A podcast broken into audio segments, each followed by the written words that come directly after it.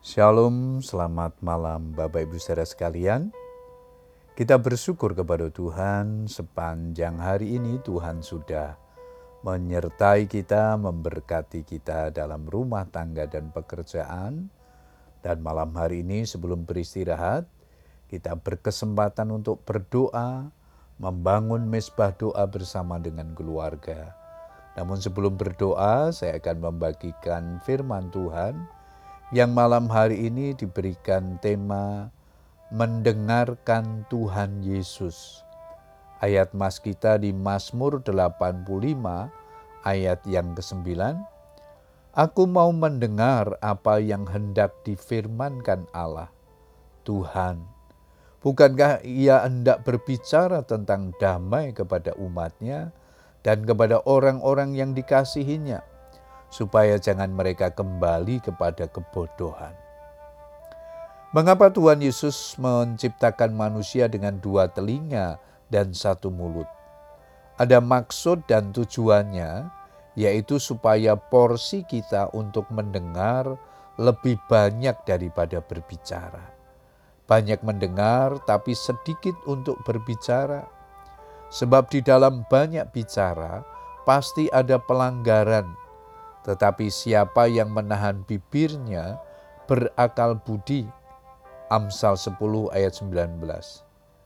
Di zaman sekarang ini banyak orang yang lebih banyak bicara daripada mendengar.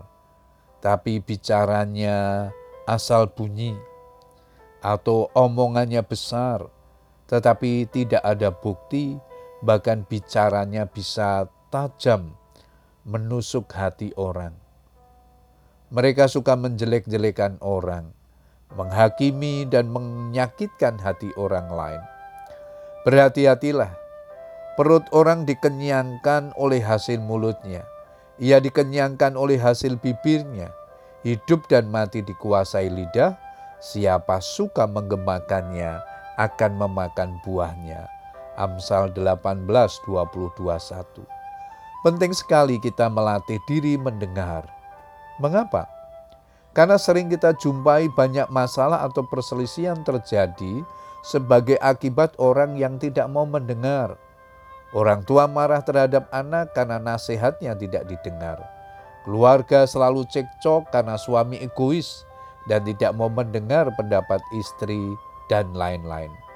Begitu juga tidak sedikit masalah yang tidak terselesaikan hanya karena masing-masing pihak tidak mau mendengar. Kita maunya hanya didengar, tapi tidak mau mendengar orang lain. Terlebih lagi dalam kehidupan rohani, mendengar adalah hal yang sangat penting untuk pertumbuhan iman. Sebab iman timbul dari pendengaran dan pendengaran oleh firman Kristus. Roma 10 ayat 17. Untuk menjadi hamba yang taat dibutuhkan kepekaan dalam mendengar seperti yang dikatakan Yesaya 50 ayat yang keempat. Setiap pagi ia mempertajam pendengaranku untuk mendengar, seperti seorang murid. Tuhan Allah telah membuka telingaku, dan aku tidak memberontak, tidak berpaling ke belakang. Mendengar firman Tuhan sama artinya kita mendengar apa yang Tuhan Yesus sampaikan. Mengapa kita harus mendengar perkataan Tuhan Yesus? Sebab ini adalah perintah Tuhan sendiri. Lukas 9 ayat 35 di sana dikatakan, Inilah anakku yang kupilih, dengarkanlah dia.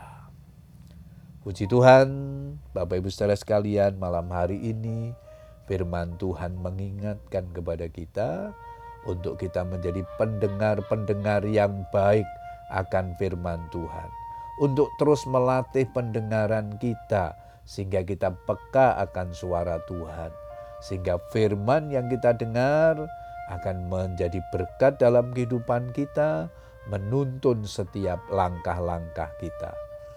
Selamat berdoa dengan keluarga kita, tetap semangat berdoa. Tuhan Yesus memberkati. Amin.